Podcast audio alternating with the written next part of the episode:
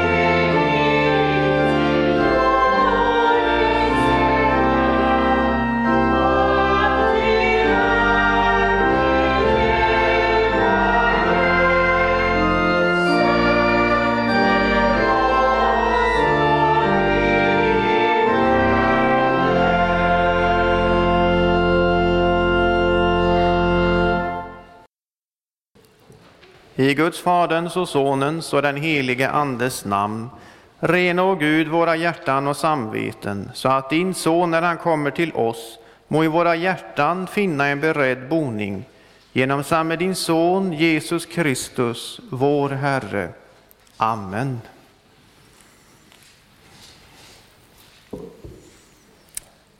Idag går vi in i en ny tid av vårt kyrkoår. Vi har nu bakom oss från advents och jultiden Jesu födelse. Vi har delar av hans liv och gärning. Vi har vägen mot korset. Vi har den tomma graven och pingsten med andens utgjutande. Vi har också hans himmelsfärd. Men den tid vi nu går in i, den behandlar ju livet med den levande och helige treenige guden. Det är ju så att Bibelns lära är att vi tror på en enda Gud, men denne ende Gud uppenbarar sig i en, alltså i en trefald. Så personlig då som vi använder person när vi menar en individ, som då Fader, Son och Ande. Och likväl framställer Bibeln en enda Gud. Och i Gamla testamentets femte i femte Moseboken, där det sjätte kapitel och den fjärde versen, så har vi de här orden då. Hör Israel, Herren vår Gud, Herren är en. Kan också översättas den ende. Och tänker vi på de tio buden, så hur lyder det första budet? Du ska inga andra gudar ha vid sidan om mig. Och vi har ju också tre trosbekännelser. Men vi har också, den tredje brukar vi inte använda för den är så lång, den atanasianska. Men där står det väldigt uttryckligt just om dessa saker. Citat, så är Fadern Gud, Sonen Gud och den helige Ande Gud och likväl icke tre gudar, så är Fadern Herre, Sonen Herre och den helige Ande Herre och likväl icke tre herrar, utan en enda Herre. Så detta är alltså Bibelns lära om Gud och därmed den kristna bekännelsen av vem vi tror på. Och jämför vi då med islam så håller ju inte en muslim med om eh, det här. Men när delar vi då upp treenigheten? Ja, det får man vara lite försiktig med det ordet, men vi talar ju däremot om ansvarsområden. Fadern såsom alltings skapare och uppehållare. Sonen som enda vägen till himlen därför att han är vår frälsare, återlösare, ställföreträdaren eller vår saliggörare. Och den helige Ande då som är ordet i centrum lär oss vad rätt och sanning är. Och denne treenige guden, han har nu gett oss ett dop, en frälsning som ställs framför oss till att tas emot i tro eller att förkastas. Och det är nu en stor nåd som läggs framför oss, att var och en får eh, gå in i detta. Men hur förhåller vi oss då till dessa ansvarsområden? Om vi tänker på Gud Fader och hans omsorg, sörjer vi för morgondagen? Ja, på ett sätt måste det ju planeras. Och alla har ju rätt, och, rätt att säga ifrån om något är fel. Men samtidigt så får ju saker och ting inte bli så stora så att vi människor går under. Och det finns en balansgång här och den kanske inte alltid är så lätt att hitta. Men, eh, men det som kan börja med lite oro och gnäll, men om det fortsätter så kan ju tungor med tiden förgifta ett stort antal människor med missmod. Och missmod är i förlängningen något som kväver och dödar tron på Guds allmakt och hans suveränitet. Ser vi på sonen och korset, hur är det med var och ens skötesynder? Kämpas det mot detta? Eller nöjer du dig med att korset redan finns, det var ju redan rest och graven är tom och nästa söndag så ges ju genom prästen Guds förlåtelse och upprättelse ändå. Och det är ju sant och rätt att Gud av nåd förlåter varje syndare som söker hans förlåtelse och upprättelse. Men samtidigt så är ju inte Guds förlåtelse likt en drive-in som man kan köra in på så här bara gång på gång utan bättring.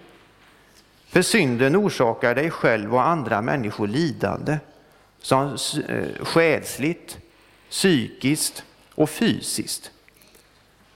Och för att få perspektiv på det så får man då tänka på katekesens bud, men också att läsa dess förklaringar. Och ser vi till den helige Ande, vilket utrymme ges åt Guds helige Ande att faktiskt få omskapa ditt hjärta och därigenom då flytta fram positionerna med din helgelse. Att ge Guds ande utrymme, det ligger i att stanna upp inför Guds ord med, med bönen och i kyrkan på söndag. Vi kan tänka på förra söndagen då vi lyssnade till Petrus pingstpredikan. Om vi läser den predikan i sin helhet så sätter ju inte Petrus anden i centrum, utan han talar om Guds omsorg genom tiden som visade fram mot korset.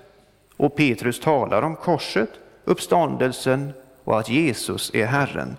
Och under denna predikan, då läser vi om dem som lyssnade, citat, när de hörde detta högg det till i hjärtat på dem. Och går vi fram till kapitel 10 så har vi Petrus predikan i Cornelius hus. Och det är inte heller en lång utläggning om, den, eh, om anden, utan fokus är Guds frälsning genom Jesu död och uppståndelse. Och under den predikan så läser vi vers 44, citat. Medan Petrus ännu talade föll den helige ande över alla som hörde ordet. Av sådana här meningar visar Gud oss hur viktigt det är att ta sig tid för ordet och att ha goda ordningar. För vad hjälper det med Andens gåvor? Eller hur ska dessa komma till sin rätt om en människa inte har talet om korset klart för sitt inre? Ja, det är en Guds nåd att vi återigen får gå in i en ny trefaldighetstid. Och vi kommer alltså att få presenterat för oss nu olika sidor av livet med denne treenige Gud. Vi behöver alla få höra om Faderns omsorg, vars händer Guds barn har bakom ryggen och som för dem framåt mot himlen. Vi glömmer lätt blodets betydelse gällande Kristi försoning. Men i Hebreerbrevet 9.22 läser vi utan att blod utgjutes ges ingen förlåtelse. De som vill bli Guds barn behöver höra detta. Och de som redan är Guds barn behöver på olika sätt få det återupprepat igen. På detta sätt verkar den helige Ande genom ordet och sakramenten tro på den treenige guden och därigenom kommer Andens gåvor till sin rätt ute i församlingen och blir då till välsignelse. Gud Fader och Son och Ande till ära. Låt oss bekänna.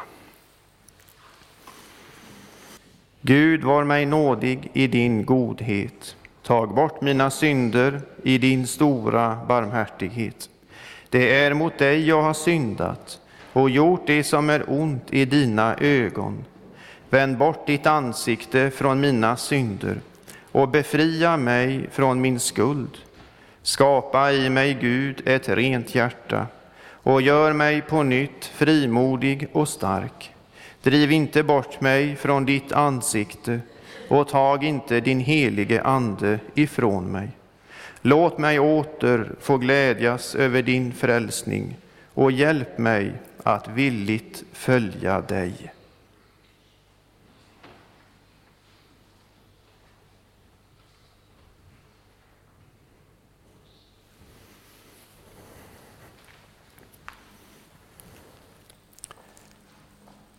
Begär du dina synders förlåtelse för Jesu Kristi skull, så är du i kraft av Guds ord och löfte fast och visst att Gud av nåd förlåter dig alla dina synder. Och denna förlåtelse tillsäger jag dig på vår Herres Jesu Kristi befallning i Faderns och Sonens och den helige Andes namn. Amen. Käre Fader i himmelen, vi tackar dig för syndernas förlåtelse genom Jesus Kristus, vår Herre. Amen.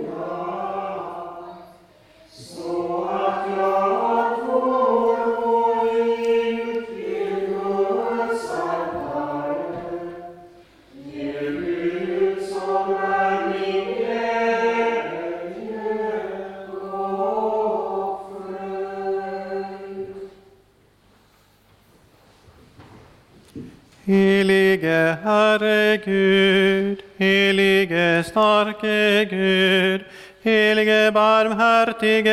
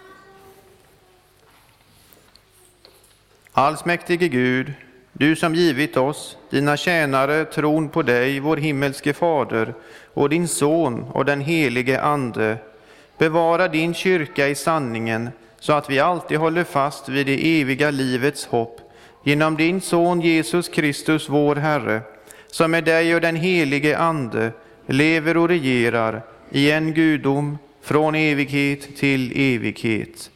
Amen. Vi ska nu först lyssna till Herrens ord ifrån femte Moseboks fjärde kapitel.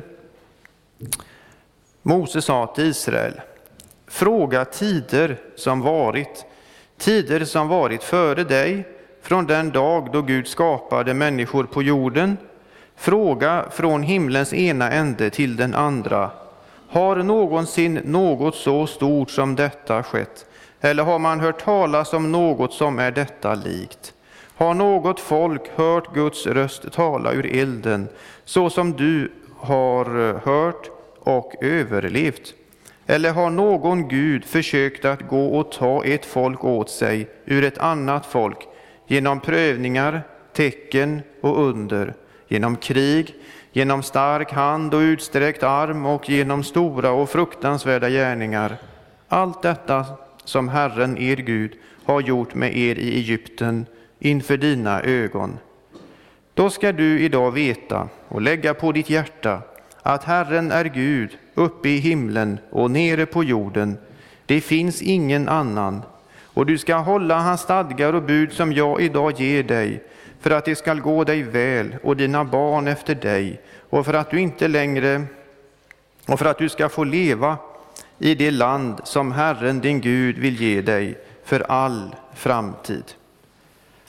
Så lyder Herrens ord. Gud, vi tackar dig. Och så lyssnar vi till kören som sjunger för oss.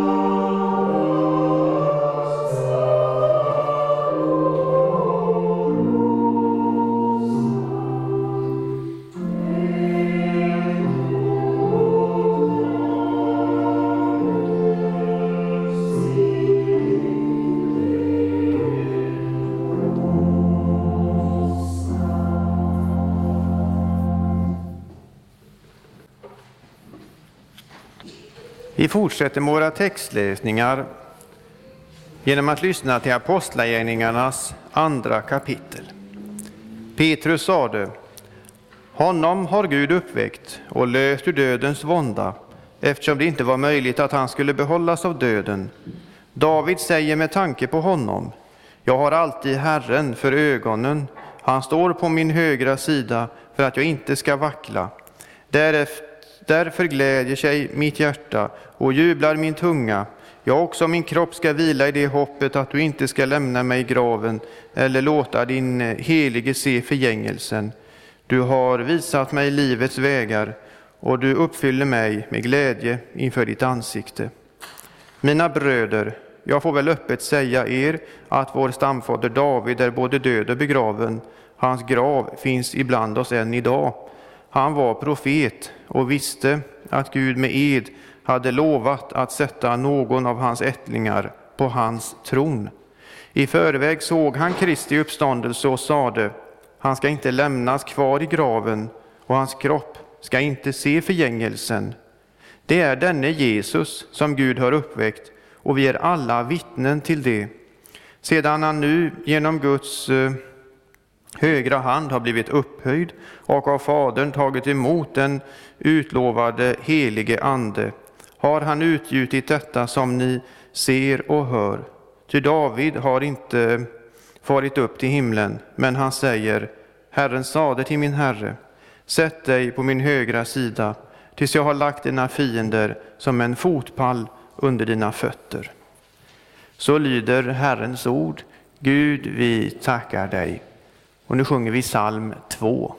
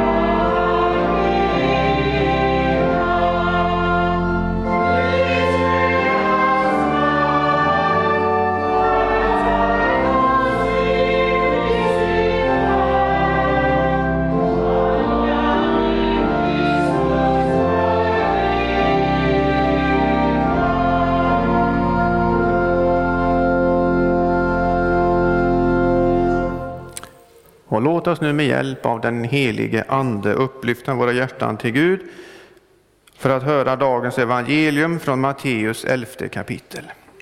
Vid den tiden sa Jesus, jag prisar dig, Fader, du himmelens och jordens Herre, för att du har dolt detta för de visa och kloka och uppenbarat det för de små.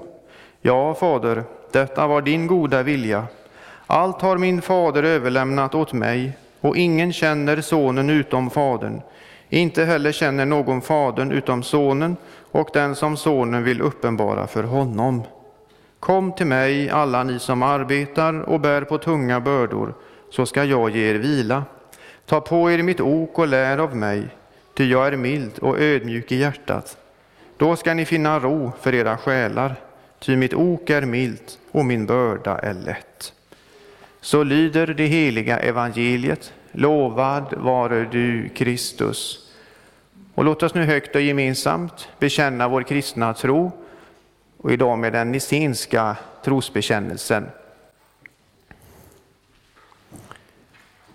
Jag tror på en enda Gud, allsmäktig Fader, skapare av himmel och jord, av allt vad synligt och osynligt är, och på en enda Herre, Jesus Kristus, Guds enfödde Son, född av Fadern före all tid, Gud av Gud, ljus av ljus, sann Gud av sann Gud, född och icke skapad, av samma väsen som Fadern. På honom genom vilken allting är skapat, som för oss människor och för vår salighets skull har stigit ned från himmelen och tagit mandom genom den helige Ande av jungfru Maria och blivit människa, som och har blivit för oss korsfäst under Pontius Pilatus, lidit och blivit begraven, som på tredje dagen har uppstått efter skrifterna och stigit upp till himmelen och sitter på Faderns högra sida, därifrån igenkommande i härlighet till att döma levande och döda, och på vilkens rike icke skall vara någon ände, och på den helige Ande, Herren och livgivaren, som utgår av Fadern och Sonen, på honom som tillika med Fadern och Sonen tillbedes och äras och som har talat genom profeterna och på en enda helig, allmännelig och apostolisk kyrka. Jag bekänner ett enda dop till syndernas förlåtelse och förväntar de dödas uppståndelse och den tillkommande världens liv. Amen. Så fortsätter vi med att sjunga psalm 78.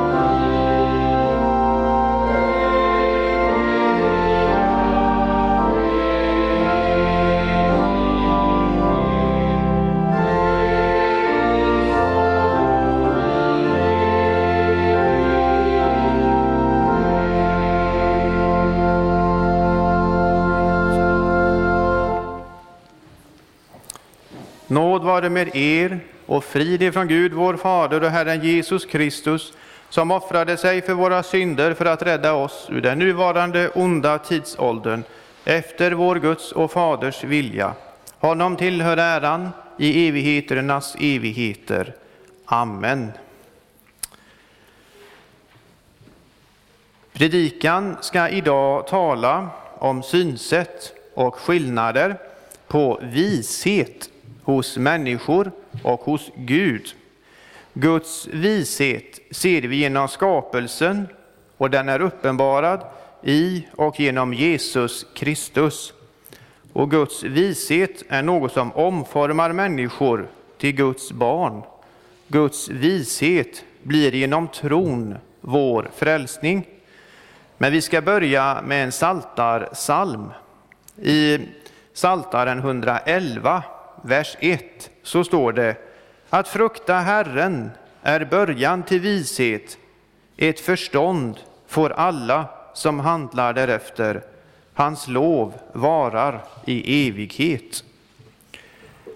Salmistens ord att frukta Herren är nu inte tänkt som en skrämselpropaganda, utan tanken ligger i att inte mista eller förlora, att vara rädd om det man har och därför får man tänka sig för. Om en människa gör så här och går in på Guds område, börjar låta Gud tala till ens samvete genom sitt ord eller ser hur andra goda kristna människor lever, så präglar det. Det ger avtryck.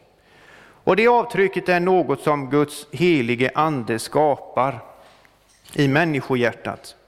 Och där i ligger vishet. Den vishet som salmisten talar om är något som kommer av umgänget med Jesus genom bibelordet, bönen och gudstjänsterna. Och salmisten uttryckte det med att av denna vishet blir konsekvensen att citat, ett förstånd får alla som handlar därefter. Det förstånd som nämns här är ett uttryck för en människas omvändelse. För omvändelse det betyder egentligen sinnesförändring eller ett nytt sätt att tänka. Och citatet ”ett förstånd får alla som handlar därefter” det är då ett uttryck för vår kristendom, för vår bekännelse av Fader, Son och Ande och det kristna livet, efterföljelsen. Orden vishet och förstånd är något som är präglat av Gud och att hans ande finns hos oss. Den kristna människan har ett annat tänkande och ser på ett annorlunda sätt. Den som då inte går i kyrkan, alla de som inte vill veta av kristendomen, hur är det här då? Ja, självklart finns även vishet och förstånd, men det är inte ett förstånd som är präglat av Guds ande på det andliga området, själen alltså. Gud har ju skapat oss allesamman och ser vi till början av Luthers förklaring till den första trosartikeln så har vi ju förklaringen. Jag tror att Gud har skapat mig och alla varelser, gett mig kropp och själ, ögon, öron och alla lemmar, förnuft och alla sinnen. Och att han fortfarande ger mig allt detta liv. Och här hade vi ju förnuft och alla sinnen. Och i dessa ord har vi också vishet och förstånd. Det är något som finns hos alla människor. Men vad är det då som skiljer människorna från varandra? Jo, en människas förhållande till Jesus. Dagens evangelietext började med en bön av Jesus till sin fader med orden jag prisar dig, Fader, du himmelens och jordens Herre, att du dolt detta för det visa och kloka och uppenbarat det för de små. Här har vi först hur Bibeln ser på Fader och Jesus definierar honom som himmelens och jordens Herre. Och i Saltaren, denna bönbok som vi var inne på förut, i Saltaren 24 så eh, är en bön av David och där börjar han på samma sätt som Jesus gjorde. David började då jorden och allt som uppfyller den tillhör Herren, världen och det som bor i den. Ty han har grundlagt den på haven och givit den fäste på strömmande vatten. Vi går nu tillbaka till Jesu ord i texten. Han talar ju här om två grupper av människor. Den ena är visa och kloka och den andra är de små, eh, uppenbarats för de små. Visa och kloka åsyftar här flertalet av den tidens ledare som skriftlärde, fariseer, Stora rådet. Vi har samtidigt rådsherren Nikodemus som satt med i judarnas högsta råd. I hans samtal med Jesus så börjar Nikodemus, Rabbi, vi vet att det är från Gud du har kommit som lärare, ty ingen kan göra sådana tecken som du gör om inte Gud är med honom. Utifrån Nikodemus ord, vi vet, ser vi att han var inte ensam i sin övertygelse. Vad han talar om är alla de tecken och under som skedde där Jesus gick fram.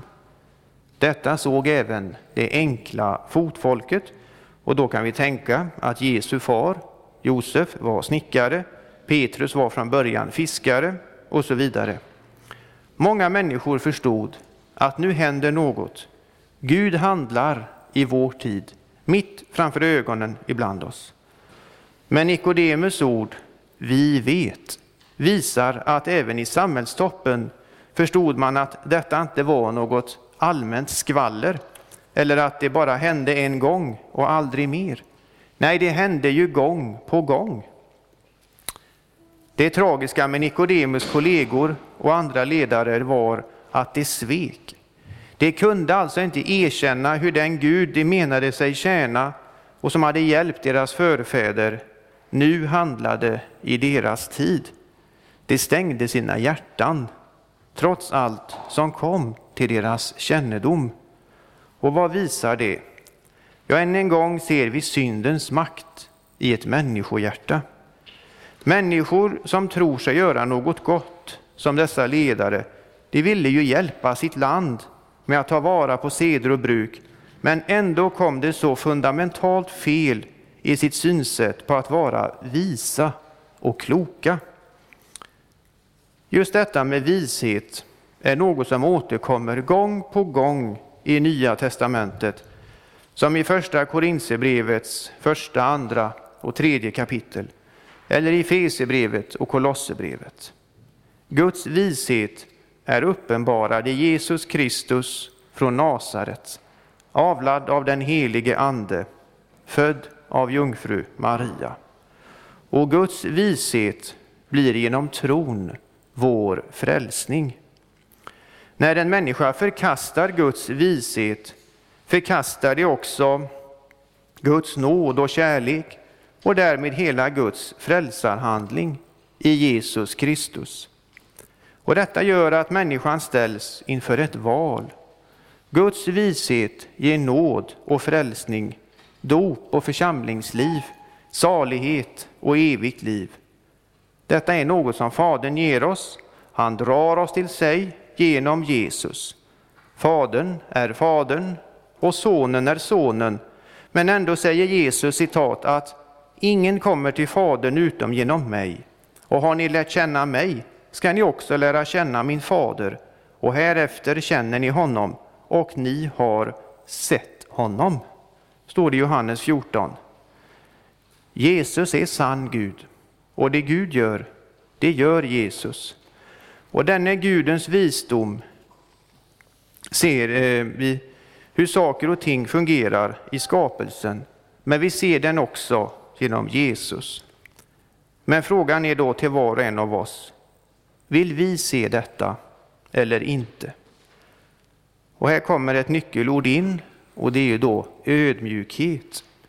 Vill människor stanna upp och lyssna till saker som de normalt sett inte brukar syssla med?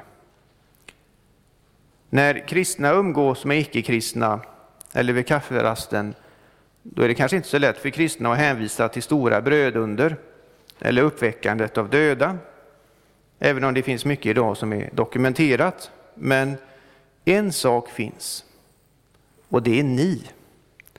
Om inte kristendomen finns, varför tror ni då?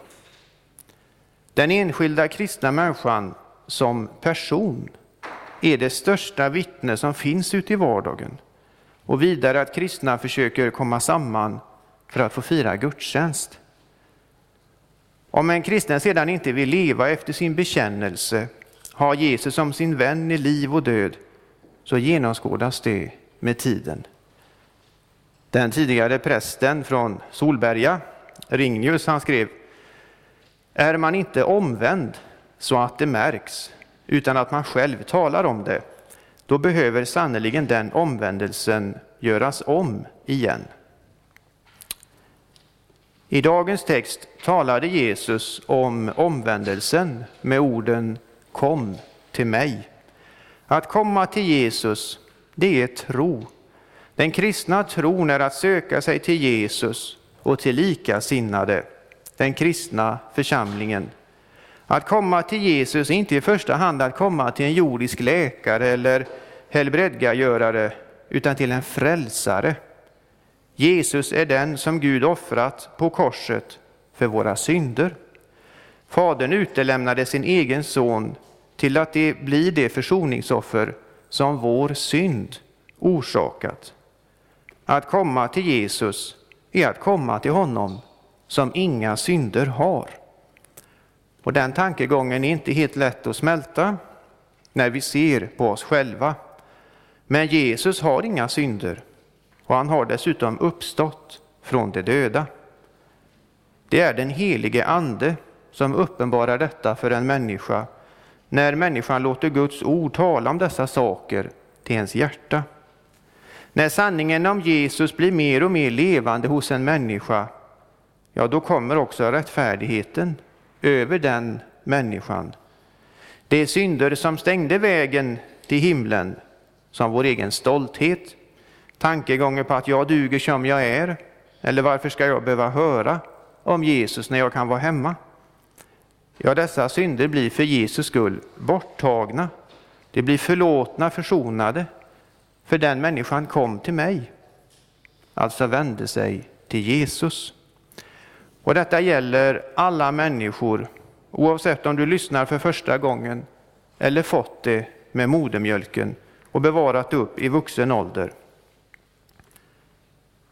Det vi vet om Guds väsen, om den heliga treenigheten, Fader, Son och Ande, det är en sanning som har blivit uppenbarad av Fadern genom skapelsen och i Jesus från Nasaret och genom Guds ande. När en människa kommer till tro eller får frid i hjärtat efter själanöd. Och denna uppenbarade sanning förhåller sig människor olika till. Antingen så förkastar de den eller ödmjukar man sig och tar emot den. Och Jesus talade idag om visa och kloka och det är något som bottnar i synsättet på Jesus. De som inte vill ha med honom menar att de är visa och kloka i sig själva och att det räcker med det som till exempel samhället levererar till dem. Och I kyrkans verksamhet finns också dessa tankegångar. Men enligt Bibeln är det en lögn.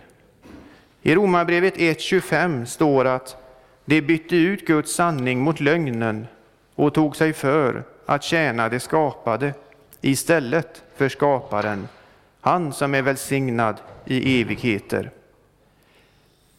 Vi vet alla hur väl dessa ord stämmer överens på vår tid, men vi ska inte misströsta. Vi ska gå till Jesus med vår nöd, vad det än gäller, för där finns Guds vishet. Och i Guds vishet ligger också framtiden. I första Korinthierbrevets första kapitel och den trettionde versen så står om Gud. Honom har ni att tacka för att ni är i Jesus Kristus, som Gud för oss har gjort till vishet, rättfärdighet, helgelse och återlösning. När en människa tar emot denna Guds uppenbarade vishet, då tar hon emot Jesus från Nasaret och tar på sig hans ok, han som var död men som nu lever och regerar i evighet. Och att ta emot Guds vishet, det är att låta Fadern och Sonen och Anden komma in i sitt hjärta. För när du följer Guds uppmaning, kom till mig, ja, då släpper du in Jesus. Så med, med honom följer också Fadern och Anden. För vi tror ju inte på flera gudar och därmed delar vi inte upp treenigheten, utan kristenheten tror på en enda Gud. Och i det hjärtat, där Sonen är, där är då också Fadern och Anden. Amen. Låt oss bedja. Lovad vare Gud och välsignad i evighet, som med sitt ord tröstar, lär, förmanar och varnar oss. Helige Ande, skriv ordet i våra hjärtan så att vi inte blir glömska hörare utan varje dag växer till i tro, hopp, kärlek och tålamod in till tidens slut och blir saliga genom Jesus Kristus, vår Herre. Amen. Och innan vi sjunger psalm 91 så säger vi Han som förmår göra långt mer än allt vi ber om eller tänker genom den kraft som mäktigt verkar i oss. Honom tillhör äran i församlingen och i Kristus Jesus genom alla släktled i evigheters evighet. Amen.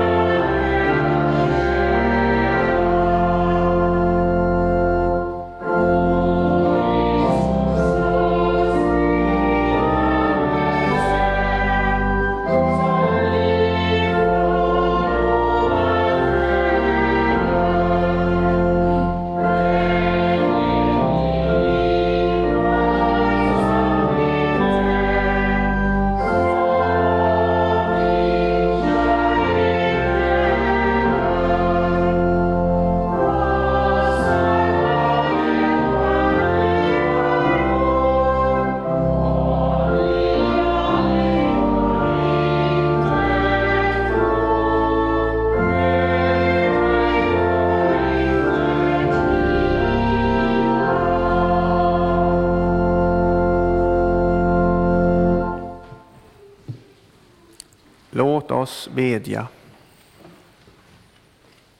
Herre vår Gud, vi ber dig, styrk och led din kyrka och samla ditt folk kring ordet och sakramenten. Låt ditt evangelium nå ut i hela världen och väcka levande tro. Vi ber att du ska sända elever till höstens intag vid församlingsfakulteten i Göteborg. Vi ber att du ska vara med vårt land och väcka och kalla kyrkmänniskor också till vår församling och denna stad. Vi ber för de andra församlingarna här och dess andliga ledare. Vi ber att du ska ge dina vittnen kraft när de får lida för din skull. Skydda vårt land och ge vishet åt dem som har fått förtroende och ansvar i vårt samhälle. Vi ber för denna coronasituation att du ska vara med alla som beslutar, alla drabbade, alla lidande, alla inom vården. Hjälp oss var och en att inte misströsta utan blicka framåt mot dig, Herre. Vi tackar dig också, Herre, att vi får komma samman fler till våra gudstjänster nu igen. Hjälp var och en av oss att ta vara på denna, dessa möjligheter du ger oss. Hjälp oss att, att, att inte ta saker och ting för självklart.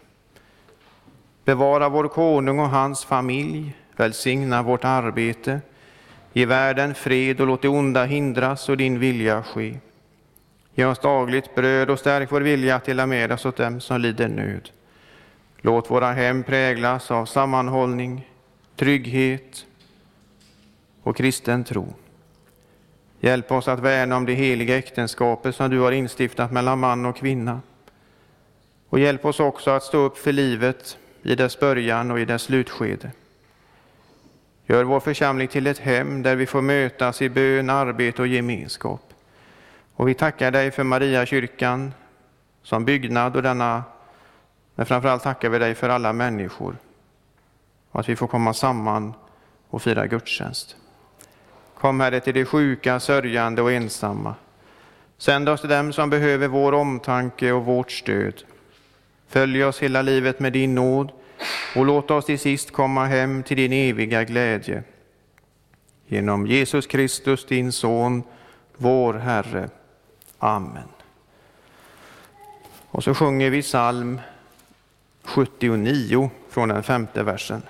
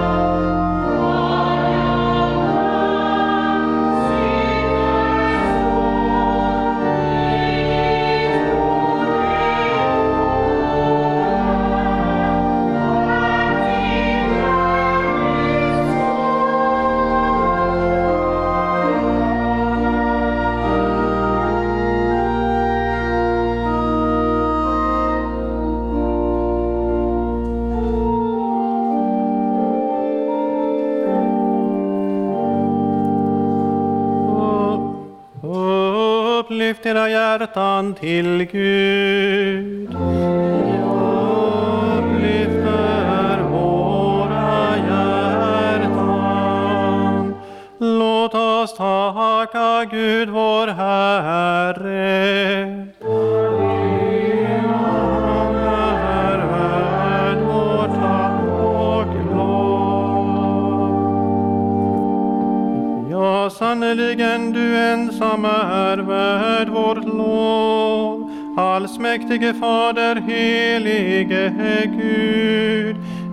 Vi prisa och välsigna genom Jesus Kristus, vår Herre.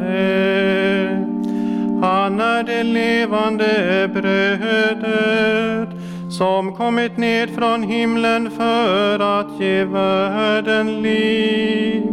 Den som kommer till honom skall aldrig hungra och den som tror på honom skall aldrig någonsin törsta.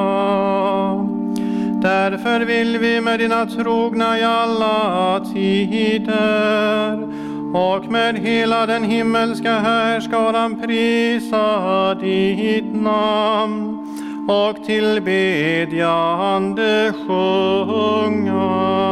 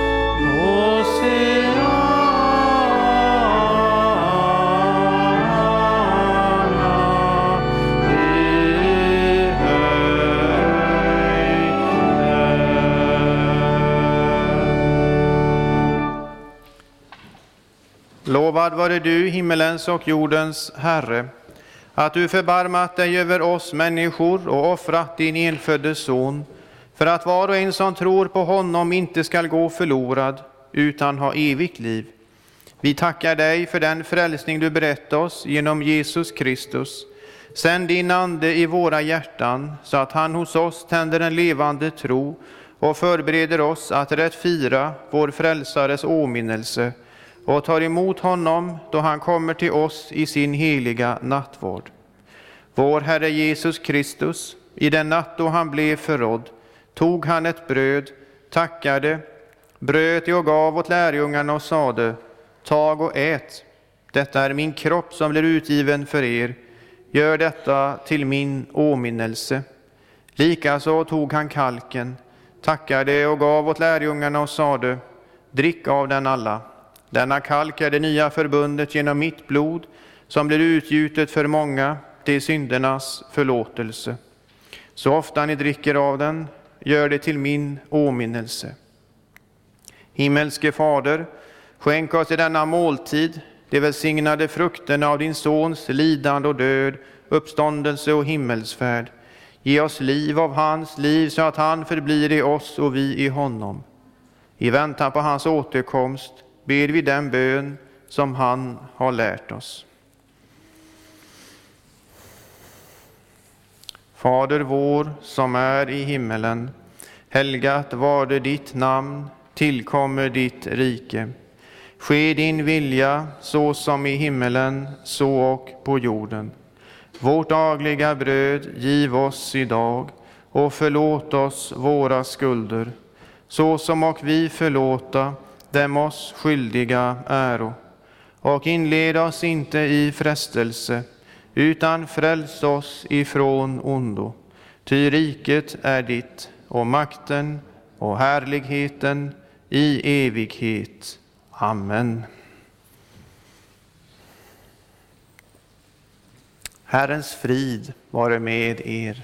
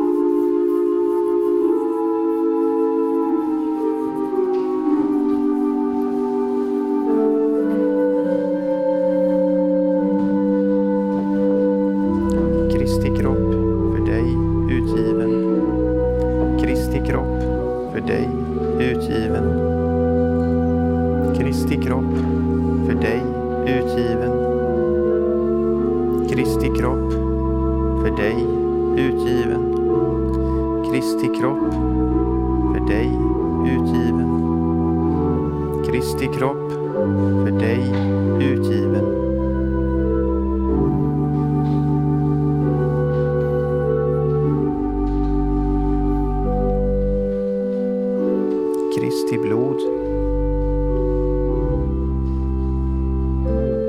För dig utgjutet. Kristi blod. För dig utgjutet. Kristi blod.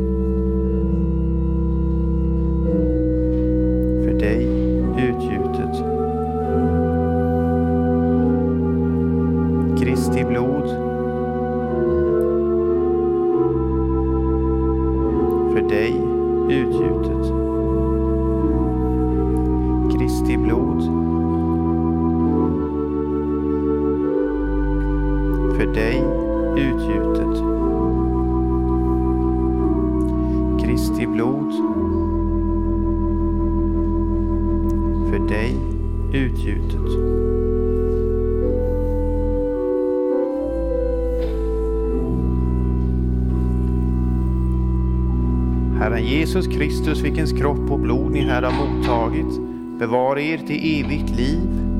Gå i Herrens frid.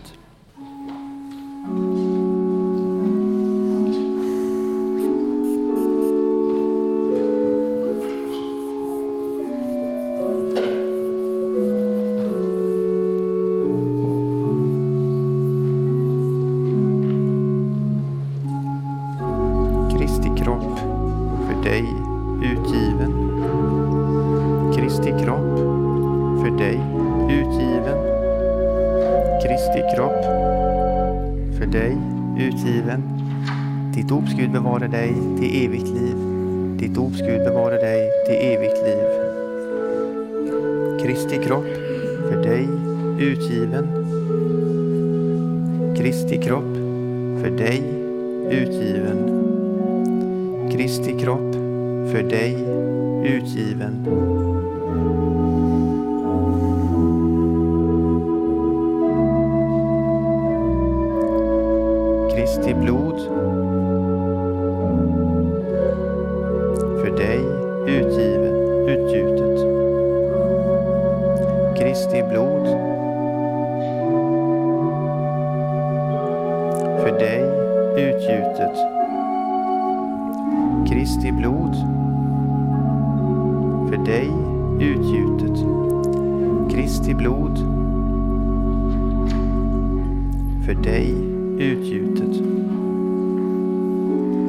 Kristi blod för dig utgjutet. Kristi blod för dig utgjutet.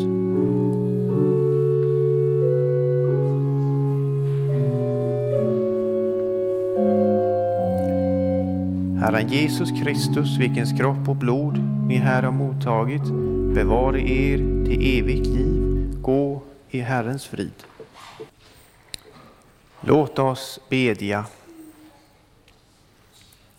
Vår Gud och Fader, vi tackar dig som genom din Son Jesus Kristus har instiftat denna heliga nattvard till vår tröst och salighet. Vi ber dig, ge oss nåd att så fira Jesu åminnelse på jorden, att vi får vara med om den stora nattvarden i himlen, för vår Herres Jesu Kristi skull. Amen.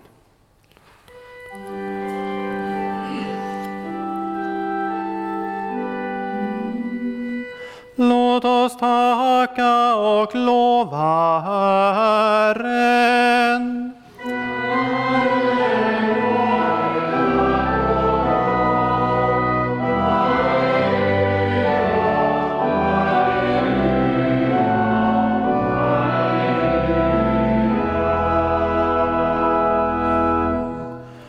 Tag emot Herrens välsignelse. Herren välsigne er och bevare er. Herren låte sitt ansikte lysa över er och vare er nådig. Herren vände sitt ansikte till er och give er frid. I Faderns och Sonens och den helige Andes namn.